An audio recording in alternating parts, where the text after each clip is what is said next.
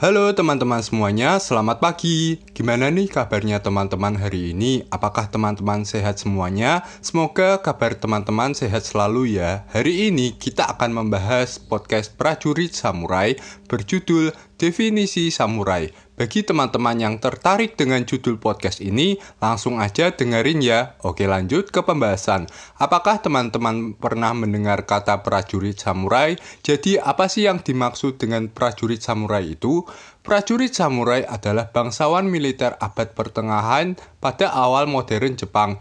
Intinya, definisi prajurit samurai itu adalah seorang yang memakai baju pelindung atau baju zirah dengan membawa pedang panjang atau bisa disebut dengan pedang katana. Jika kalian pernah menonton Gonzo, pasti teman-teman akan paham mengenai prajurit samurai.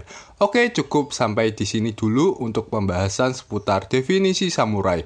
Untuk episode berikutnya, kita akan membahas seputar definisi samurai lebih dalam lagi.